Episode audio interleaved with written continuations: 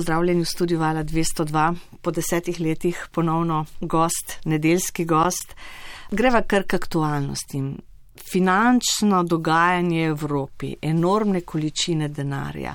Ste strokovnjaki z tega področja recimo pričakovali takšne reakcije v krizi, kot so se zgodile sedaj?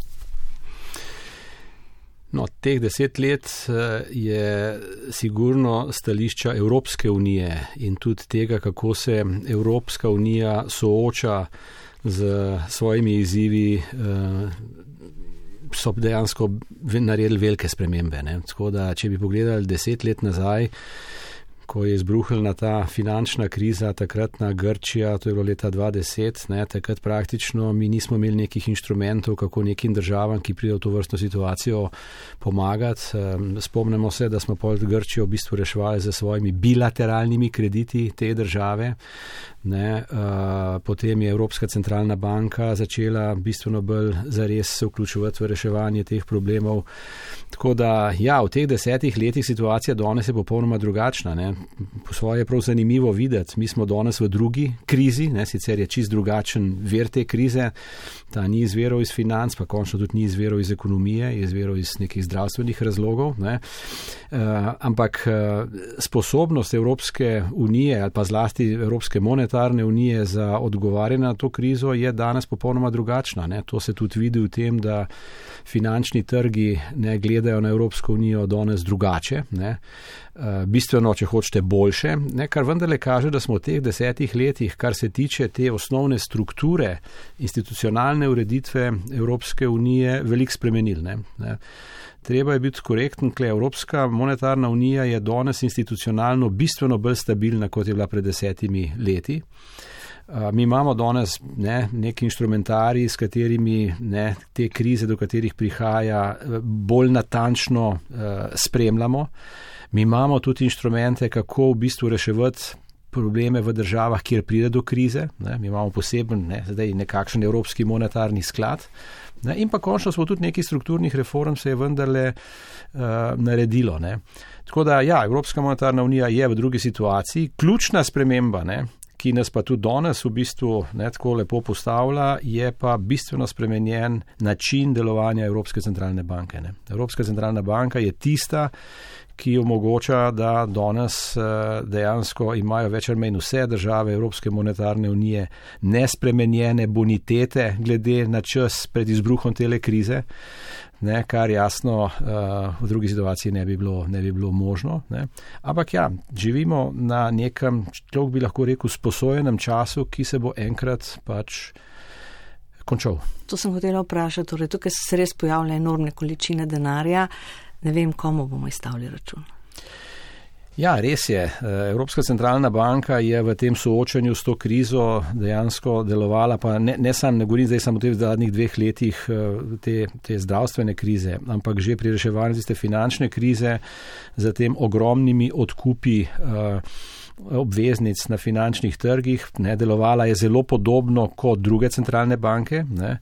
Rabla je sicer več časa, da je prišla do odločitve, da to je potrebno početi. Če se spomnite, je bilo tudi kar precej notranjih tren v Evropski centralni banki. Ne. Nemci so bili dolg zelo skeptični do tega, ne, zlasti ta guverner, ki je zdaj pač odstopil pred, pred parimi dnevi oziroma tednom. E, tako da ja, monetarna unija oziroma monetarna politika je popolnoma e, neklasična, da rečem tako. Ne.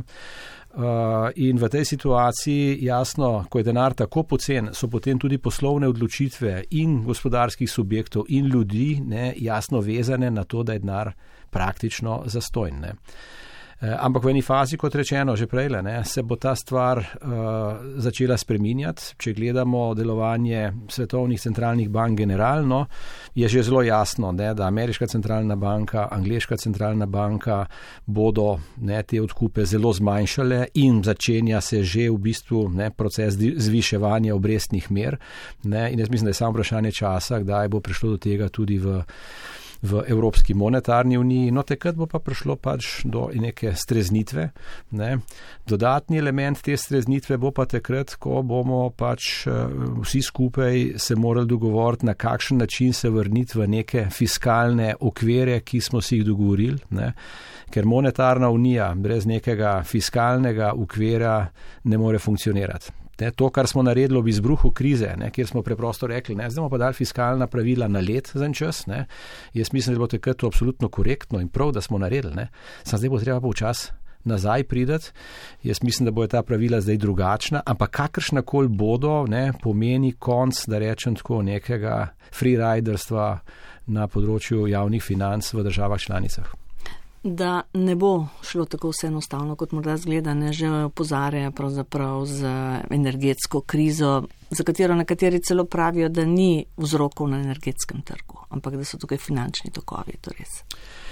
Ne, jaz mislim, da eh, tudi energetsko, energetsko krizo, pa tudi končno to, kar se dogaja generalno s cenami tudi eh, drugih primarnih hrane. proizvodov, ne, hrane in tako naprej, kle gre eh, vendarle v enem delu za to, da je po tisti res globoki krizi leta 2020, ne, ko so praktično države zapirale svoje gospodarstva, ne, takrat je prišlo do dramatičnega paca in cen surovin, energentov, ne, nafta je bila takrat 30 dolarjev. Ne.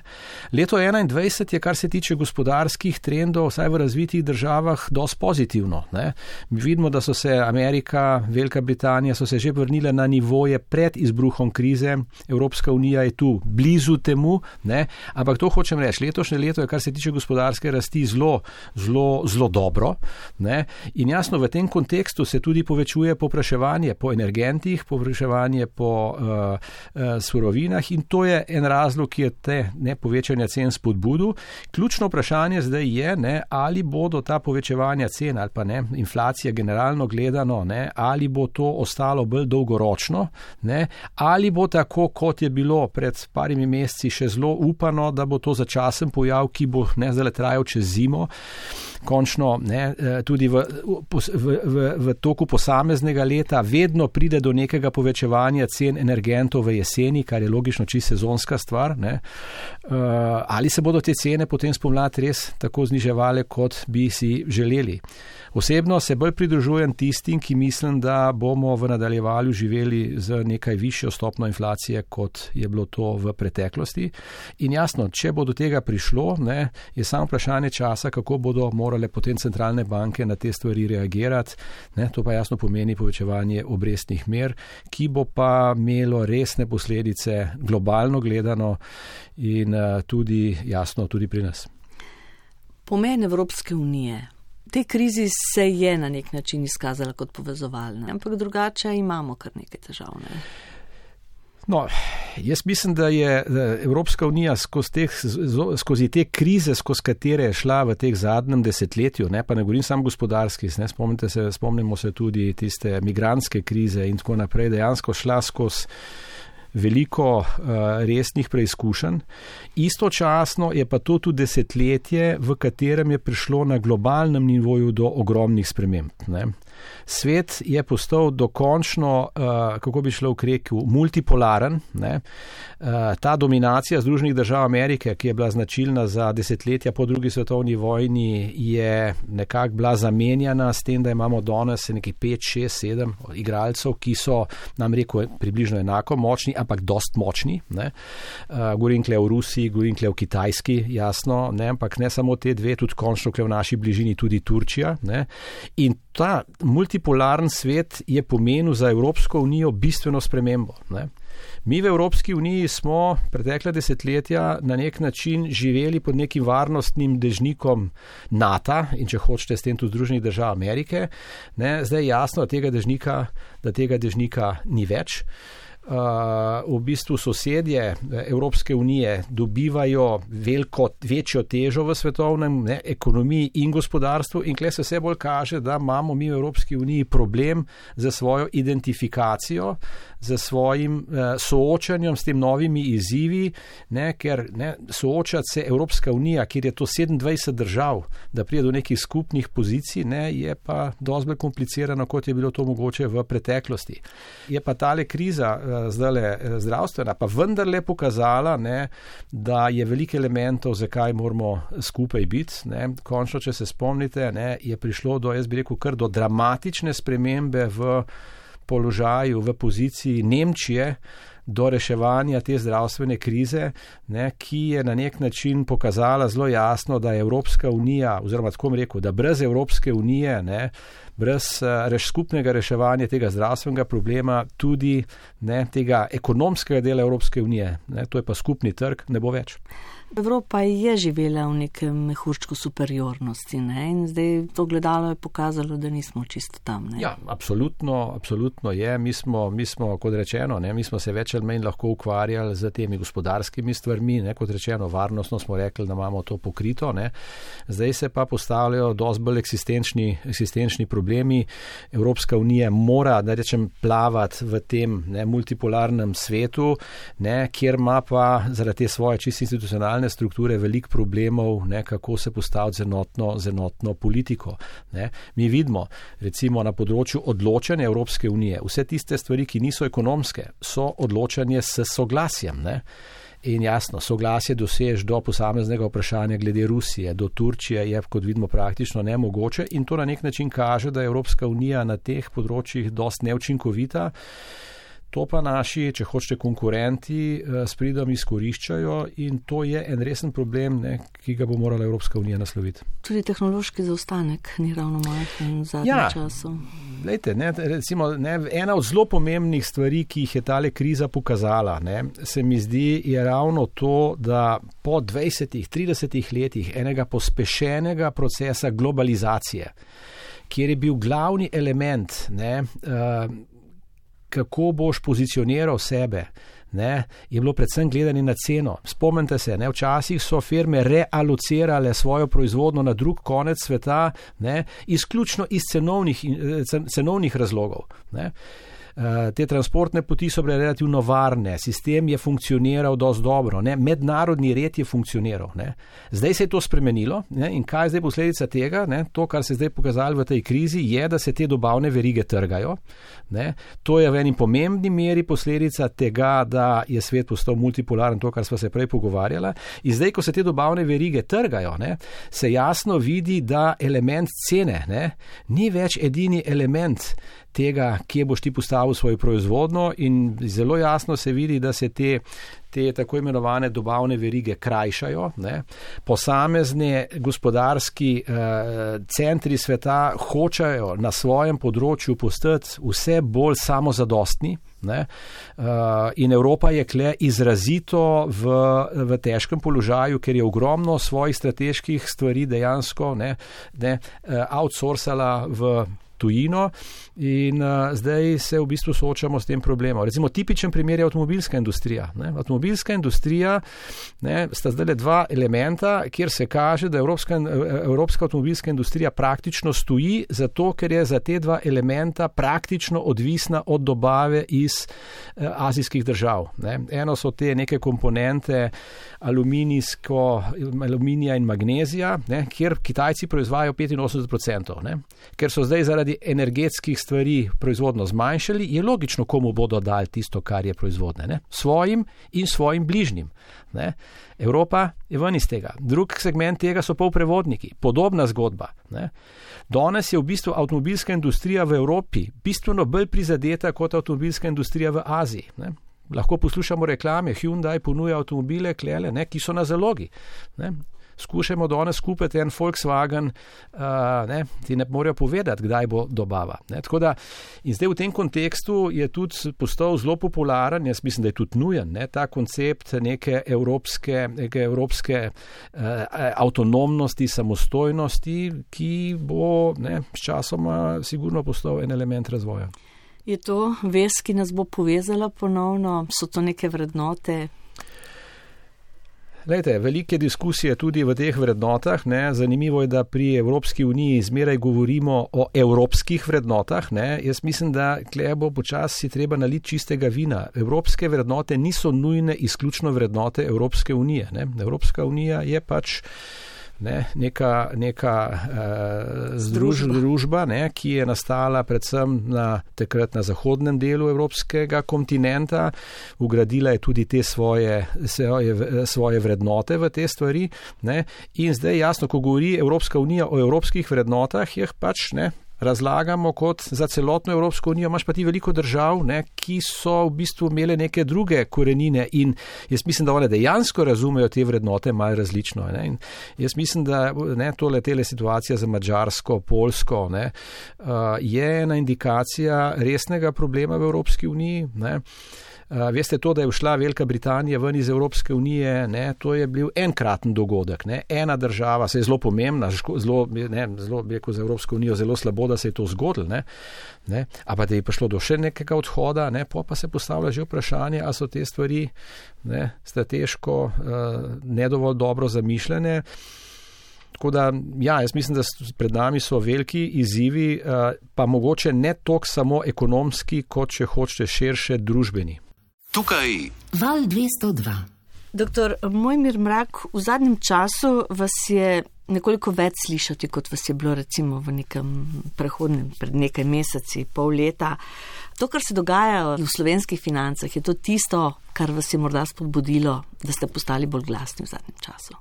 Ja, jasno, človek se oglasi takrat, ko misli, da je to potrebno in jaz mislim, da je to zdaj bilo pač potrebno. Ne? Jaz mislim, da to, kar pač posnemo z javnimi financami v zadnjem letu, ni dobro in bo imelo lahko za nas na srednji rok zelo negativne posledice. Ne. Jaz sem se pač pojavljal v teh stvarih tudi v nekih drugih obdobjih, ne, ampak zopet vezano na takratno situacijo. Ja, spomnim se ene situacije v letih 2006-2007 ko smo Slovenija imela takrat izrazito visoke gospodarske rasti, ne, ki so bile pa rezultat dejansko nenormalno visoke gospodarske rasti, ne, ker je bilo to pumpano tudi z dodatnimi, z nizko ceno kapitala in tako naprej. Ne. Ampak jasno, če imaš ti nenormalno visoko gospodarsko rast, so tudi prihodki v proračun nenormalno visoki. Ne. In mi smo takrat tem visokim proračunskim prihodkom prilagodili tudi izdatke. Ne? In res smo imeli ne, javne finance uravnotežene, ampak uravnotežene v nenormalni situaciji. Ne? Ne? Takrat bi mi morali imeti pomemben javnofinančni presežek. In ja, o tem sem jaz takrat govoril ne? in takrat so bile reakcije, da je to ni res, da je to neumnost. Ne? Žal se je pa pokazalo, da je to pač bilo res. Ne? No, nekaj podobnega verjetno se bo zgodilo tudi sedaj. Ne? Nov proračun, milijardo in pol, brez rebalansa. Ja, lejte, ja, to je razlog, da sem se jaz pač ponovno oglasil za to. Jaz mislim, da to ni v redu. Uh, videli pa bomo, kdo ima prav, verjetno čez kakšno leto, verjetno niti ne eno leto, dve, tri. Ne? In jaz moram reči, da bom zelo vesel, če ne bom imel prav. Zelo vesel. Ne? Ne? To, kar počnemo, ne, je situacija, da po izbruhu zdravstvene krize, ne, govorim pač marc eh, leta 2020, takrat je Slovenija reagirala podobno kot druge države Evropske unije. Tudi Evropska unija je tokrat, po mojem, dosti dobro reagirala na to krizo v primerjavi z desetimi leti nazaj, ne, do, rečem dobro, tudi dosti hitro. In uh, tudi naša reakcija v tistem letu je bila logična. Ne. Ekonomija država je bila na nek način v neki gospodarski, ne, to je bila v bistvu vojna situacija. Ne. In takrat jasno, v taki situaciji pol delaš tisto, kar je nujno za preprečiti to in to, mislim, kar je Slovenija počela lansko leto, je bilo po mojem dost logično in na to jaz nimam kakšnih večjih pripomp. Ne. To, kar pa počnemo v letošnjem letu, ja, kle sem pa jaz bolj kritičen. Ne. Zakaj? Zato, ker je situacija v letošnjem letu bistveno drugačna, kot je bila lani. Ne. Končno se hvalimo, da imamo 6% gospodarsko rast. Res je to na relativno nižjo osnovo, kot je bila. Ne. Ampak govor, da je to zdaj neka izjemna situacija, je nepotrebno. Ne. In ta gospodarska rast ni bistveno drugačna kot gospodarska rast v primerljivih državah, je pa ena bistvena razlika. Da to gospodarsko rast mi dosegamo v letošnjem letu z bistveno večjim fiskalnim uložkom. Da zelo poenostavljeno povem, z bistveno povečanjem javno-finančnih izdatkov in jasno posledično javnim dolgom. Ne? Javni dolg Republike Slovenije se bo povečal od konca leta 2019, kar pomeni tik pred izbruhom krize, do konca letošnjega leta približno 25-27 milijard na 40 milijard. In to je relativno bistveno več, kot se je to dogajalo v drugih, v drugih državah.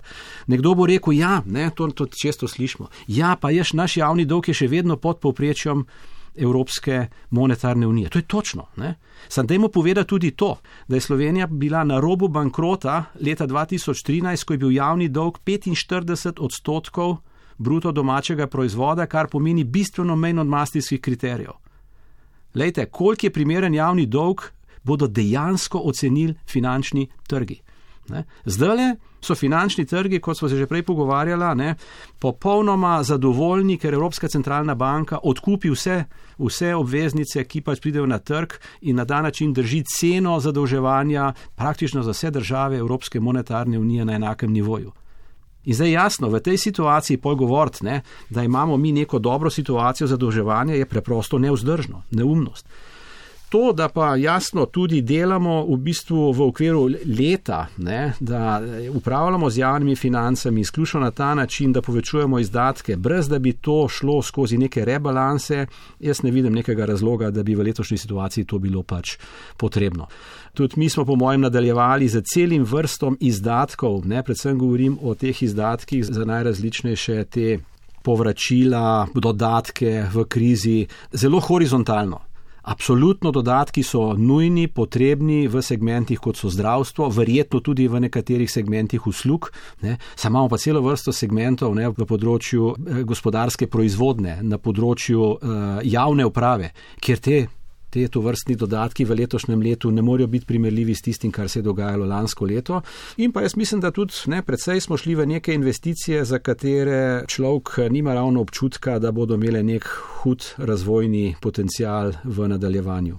Tudi ta denar, ki ga dobivamo od Evropske unije, ta krizni denar, porabljamo, kot ste tudi že nekje rekli, pa za napačne stvari. A mi delamo krožišča in ceste, ne gremo po digitalizacijo. No, jaz, je, to, kar smo se prej pogovarjali, je bolj, bolj problematika, kritika na kratek rok, tole, kar se zdaj le dogaja z javnimi financami. Ne. Ne. Drug velik problem, ne, in klej pa moram reči, da me to, to, to me pa res v bistvu res žalosti, ne, je pa, da tudi v bistvu tega velikega finančnega paketa, ki smo ga ne, na nek način pridobili z tem reševanjem v okviru evropskega nivoja. Ne, to je skupaj, govorimo o paketu, približno 7 milijard eh, nepovratnih sredstev. Ne. En del je jasno kohezijska politika, pa razvoj podeželja, en del je pa iz tega novega finančnega inštrumenta, ne, ki je bil narejen prav za reševanje v bistvu krize in druga stvar za posreševanje konkurentnosti zemlje države skozi zeleni program in digitalizacijo. Ta program ne, je pa v bistvu program, ki tega žal ne dosega. Kle, jaz moram reči, da jaz sem sam hotel kle osebno precej prispevati s tem, da smo v trenutku, ko je Slovenija začela s programiranjem teh sredstev, ne, tu govorim avgusta leta 2020, dati nek predlog, kaj bi bilo po mojem mnenju smiselno. To pa je dejansko bistveno povečati sredstva za povečanje konkurentnosti, za zeleni program, za digitalizacijo, ampak pa ste gospodarstva. Eh, vlada se je pač odločila drugače. Ne? Ne? Rezultat je bil poslan, ki je bil poslan, ne, po mojem, zastopa neko drugo logiko, zastopa bolj te klasične investicije, ki pa saj na nek srednji rok nekega potencijala za razvojni preboj, po mojem, nimajo. Koliko je to odvisno, recimo, da bomo prihodne leto v volivnem letu ali od pravzaprav naše nesposobnosti nekih um, ljudi, ki ne odločajo, ampak recimo načrtujejo na lokalnem, na državnem nivoju. No, verjetno je ena kombinacija obojega. Ne? Zakaj bi jaz rekel, da je kombinacija obojega? Je zaradi tega, ker če gledamo, ne, in to govorim o javno, javnem dokumentu vlade, kako je pripravljala ta dokument eh, o reakciji na krizo in pač za ta preboj. Eh, zelo jasno pove, kdo so bili glavni partnerji, s katerimi se je konzultirala. Ne. To so bili v enem velikem delu pač regionalni segmenti, občinski segmenti, med tekom konzultacij z tistimi, ki bi morali biti ključni elementi za eventualni razvojni preboj, klepa govorim univerze, uh, govorim uh, gospodarstvo, ne. klepa resnih konzultacij ni bilo. Ne. Še enkrat podarjam, to je na osnovi dokumenta vlade. Zdaj, zakaj teh, teh konzultacij ni bilo, ne, uh, bi mogel verjetno nekdo drug povedati. Jaz mislim, da teh konzultacij ni bilo želeno, da bi bile, ker končno smo nekateri dali neke predloge, na katere ni bilo nikoli nobene reakcije. Ne. Reakcija bi lahko bila, poslušajte, to ni v redu, zaradi tega pa tega nobene reakcije. Ne. Ne, to je v bistvu omaloževanje pač uh, nekega javnega mnenja. Spomnite se, dokument je bil delan v tajnosti. Ne. To je pač način funkcioniranja, ki je žal narobe. Ne? Ampak problem je v tem, da to je pa v bistvu stvar, ki je bolj dolgoročna. In eh, ne, mi smo imeli zdaj, po mojem, neko lepo možnost, da bi to, kar si stalno želimo, pa govorimo, da bi radi prišli v ta razviti del Evropske unije. Mi smo zdaj možno tudi finančno to podpreti, ne? ampak očitno ni bilo neke hude želje, da v to, v to gremo. Ne? Na začetku pogovora sem že omenila, ne, da so se pogovarjale pred desetimi leti, ampak ja, mnoge stvari se niso uh, spremenile. Ne. Opozarjali ste, da ne sprejemamo resnih odločitev, da imamo probleme z upravljanjem države, da dve leti v tisti krizi nismo veliko naredili. Ne. To mm -hmm. lahko preslikamo tudi na to obdobje. Prisluhniva čisto na kratko delčko tega pogovora, pa potem vas za komentar zaprosim. Ljudje se ne zavedajo, po mojem, da gre stvar tako zares, kot dejansko uh, gre. Kljub vsem tem upozorilom, ki jaz mislim, da jih je pa zdaj že kar bilo zelo velik in kar precej časa, jaz ne govorim kle samo o pokojninski reformi, stvari so bile že kar precej prej jasno govorjene, ne, ljudje mislijo, sej bo nekako že šlo, ne, ampak to je v bistvu zdaj tako, kot da greš ti preko, drviš preko nek, do neke, proti neki steni, ne, zdaj jasno, dokler se v steno ne zaletiš, ne, še zmeri letiš. Pogosto krat letimo do sten.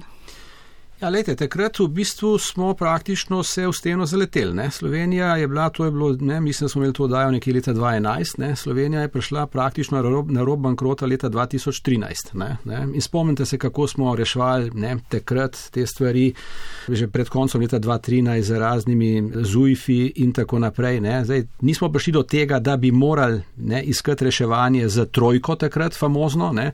ampak smo v bistvu pol morali te stvari narediti uh, sami in naredili smo jih pač sami zaradi tega, ker smo bili v to prisiljeni. Ne? Ne, jaz bi si želel, da ne bi bili prisiljeni v nekaj podobnega jed tudi tokrat, ne? ampak bi rekel, način funkcioniranja na področju javnih financ nas pele v to zgodbo pokojninske reforme še vedno nimamo. Lejte, zdaj, pri pokojninski reformi je treba biti pač korekten, da ne bi bilo da izgledalo, da je to zdaj neka kritika eh, vlade obstoječe. Ne. Pokojninske reforme so se utepale vse vlade od tistega intervjuja zadnjega, če to deset let nazaj. Verjetno je to del tudi tega, da je bila v koalicijah vedno tudi stranka, eh, upokojenska stranka. Ne. In spomnim se recimo Šarčeve vlade. Ne. Ena prvih stvari, ki je bila, ne, ki je bila rečena, je bilo, veste, s pokojninsko reformo se mi ne bomo ukvarjali. Ne? Ne? Pa, pa, to je bil mandat za štiri leta. To je za mene bila v bistvu neodgovorna odločitev. Ne? Ker jasno, na čem je ta odločitev temeljila? Ne? Temeljila na tem, da v štirih letih sistem se ne bo sesul. Ampak del, ko bomo čakali s tem, ne, bolj drastična bo morala biti reforma takrat, ko jo bomo v njo uh, bili prisiljeni iti. Veste, to, da mi v bistvu plačujemo iz državnega proračuna vsako leto čez milijardo v pokojninsko blagajno, To je zdaj že smatrano kot, kako bi šlo reči, business as usual, ne, noben se s tem ne sekira, ampak to jasno kaže, da so javne, mislim, da je v bistvu pokojninski sistem neuzdržen. Ne. Ampak ne, kar odlagamo. Ne.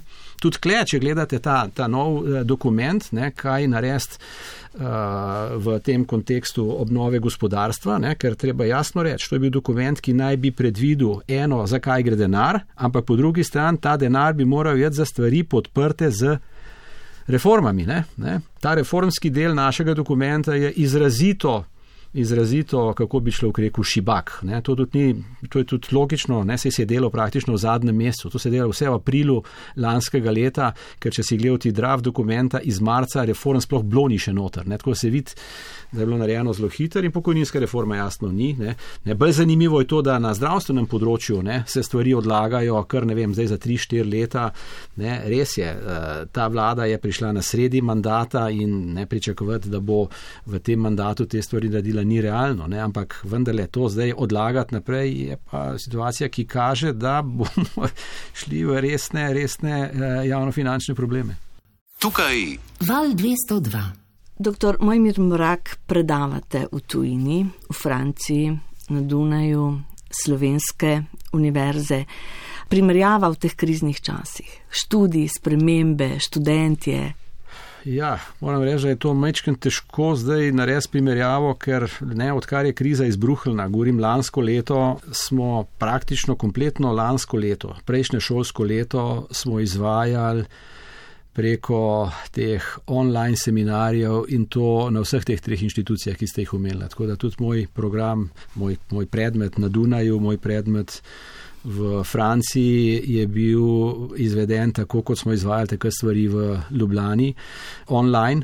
Kar se tiče eh, tega, kako smo to izvajali pri nas na ekonomski fakulteti, jaz moram reči, da eh, moram reči, sem bil res presenečen, kako smo na hiter mi takrat v marcu lansko leto dejansko preko vikenda prešli ne, v ta online uh, sistem, uh, da je stvar dosti solidno funkcionirala. Uh, jaz mislim, da imamo bistveno več problemov zdaj, ne, zato ker takrat je bila stvar jasna, je bila online. Ne. Zdaj pa bi jasno želeli, da se vračamo. Uh, Moraš se pa vračati v razrede in tudi to se vračamo. Ne. Ampak pri nas na fakulteti imamo, zelo, imamo včasih tudi zelo velike skupine, zlasti v prvih letnikih. In vkolikor se hočeš ti držati pravil, ki so postavljena strani NIEZ-ja, se pravi za to oddaljenostjo in tako naprej, ti praktično v predavalnice ne moreš spraviti kompletnih tistih skupin, ki bi jih moral. Ne. In jasno, kaj to pomeni? To pomeni, da predavanja in te obveznosti na tako imenovani hibridni način, ne, kar pomeni, da imaš del ljudi v razredu, del ljudi izven. To jasno zelo povečuje obseg dela nas, po drugi strani to komplicira življenje jasno tudi študentom, tako da to je ena situacija, ki jasno na dolgi rok ni, ni dobra, je pa jaz mislim vendarle dobro, da smo se vrnili na fakultete. Zahteva ta način dela ogromne napore, bom kar rekel, vodstvo fakultet in teh administrativnih služb in po drugi strani tudi nas, ki predavamo. Ne. Lejte, študenti, ampak se z njimi pogovarjaš, jaz mislim, da bo ta, te stvari, pa ne samo študenti, tudi druge, ne breku, ne, ne, nižje, nižje, se pravi, srednje šole in tako naprej. Ne. To bo imelo dolgoročen, dolgoročne posledice na te generacije. Ne. Pa ne govorim samo o nekem študijskem uspehu, jaz imam za svoje študente nekaj tega. Ne in vidiš, da so rezultati bili v bistvu slabši kot prejšnja leta. To jaz moram reči, da mene to, da, to, da, te, da je bila ta poprečna ocena lansko leto nekaj nižja, ne, niti ne skrbi tolk, ne, ker eh, jaz zelo težko človek reče, da je to posledica tega, da so bile stvari delane online. Ne. Potem, kar slišiš po pogovori z študenti, ne, je dejansko ogromen teh, če hočeš, čisto osebnih travm. Ne ki sigurno imajo posledice ne, na to, koliko so ljudje pol v stanju tudi resno študirati. Ampak in, kaj pa znanje? Tudi študenti, kjer komentirajo vaše delo, je to predvsem, da sodelujete z njimi, da so predavanja zanimiva, da je interakcija z vami dobra. Recimo tukaj se je to vse izgubilo. Lejte, jaz recimo zelo velik delam na tem, ne, da dejansko vidiš, kako študenti reagirajo direktno na tvoje predavanje in ti v bistvu izzoveš skozi to lahko. Ti, ti vidiš, nekdo začudeno gleda in lahko v bistvu skozi to pol vidiš, da nekaj ni v redu in pa treba mogoče kaj dodatno razložiti. Ne. Ko ti tole predavaš preko Zuma, preko Teamsa, ne, to jasno tega ne vidiš. Ne, ne. Doskrat so tudi uh, kamere ugasnjene, na nek način predavaš po nekim črnim luknjam, ne. kar se tiče neke reaktivnosti, kvalitete izobraževalnega programa, uh, ni isto. Ne. Ni isto. Ti se lahko še toliko trudiš, da skušaš animirati eh, ljudi. Ja, ljudje imajo tudi različno kvaliteto teh tehnike, nekateri se pač nočejo oglašati zaradi enega drugega razloga. Ampak ja, ne, po črto gledano je to neka neka zasilna varijanta, ki je dobro, da jo imamo, ne, ker brez tega bi, bi popolnoma bi prekinili študijski proces, je pa ta jasno študijski proces drugačen, kot bi si ga želeli. Ne. Ta zadnja leta zaradi korone, kako ste jih vi osebno preživeli? Žena zdravnica je to recimo zaznati v vaši družini? Jah, Brez dvoma je to precej zaznamovalo tudi naše, če hočete, če hočete življenje. Ne? Jasno, človek se skuša um, več ali manj držati teh osnovnih pravil igre, pa ne zato, ker so pravila takšna, kot so, ampak preprosto zato, ker človek uh, zaupa tem uh, znanosti na tem področju, kaj je pametno narediti. Jasno, s tem, da imam zdravnika uh, doma, pa tudi, tudi predvsej v okolju, ne, nekega hudega dvoma v tem, ne, da so te stvari take, kot so. Ni bilo to vrstnih diskusij, tako da jaz nisem imel soočan osebno s temi stvarmi, ne, ali je cepljeno pametno ali ni cepljeno pametno. Uh, jaz, uh, moram reči, da te stvari imam kar precej problemov s tem, ko vidim, kaj se nam dogaja v državi. Ja, sem pa jasno to stvar občutil tudi zelo obsebno. Mamo sem imel v enem od teh domov, kar vemo, kakšna je bila situacija tam. Ne. Tudi uh, mama je v tem času umrla, ne, ne zaradi tega, ampak kakorkoli. Hočem samo reči, da sem to kar čutil in moram reči, da ne te ljudje, ki so v teh domovih bili, pa v zdravstvenem sistemu, uh, so dejansko uh, nosili ne, ogromen, ogromno breme tega, ne to vidimo zdaj, kar se dogaja še naprej. Zato se mi zdijo pač po svoje prav grozljive nekatere izjave, ne, ala tale, ki je bila pred parimi dnevi koordinatorja za logistiko. Ne, to moram reči, da je res nespodobno za človeka, ki naj bi koordiniral te stvari. Ne. Naprej, Evropa, Slovenija, ko se pogovarjate s svojimi prijatelji, zdaj rečete, kako malo bi morali storiti, da bi nam bilo boljše, ali smo zavozili in nimamo možnosti, v kakšno smer gre vaše razmišljanje? Malete, jaz eh, mislim, da eh, jaz še zmeri upam, da se bo v Sloveniji najdel zadost neke zdrave pameti da bomo stvari peljali v smer, ki smo si jo želeli. Ne. Jaz se spomnim tistega zanosnega obdobja, tam času ob neodvisnosti, pa tudi, če hočete, prvega desetletja, ne, kjer smo relativno jasno vedeli, kaj hočemo. Ne. Jaz mislim, da smo takrat je bilo tudi relativno mal napak na tem področju ekonomske politike, pa ne me narobe razumeti, da jih ni bilo. Ne. Ne. Recimo na takih velikih je bil tisti famozni nacionalni interes. Ne ne, kjer smo v bistvu prodajali, nismo hoteli prodajati zato, da nam prodajali tujcev, ne, ampak smo ne po nacionalnem interesu prodajali nacionalnim ne, če hočete šampionov, ne, pa so pa te prodali tujcem. Ne, ne, tako da, pravim, ni bilo vse v redu. Ne.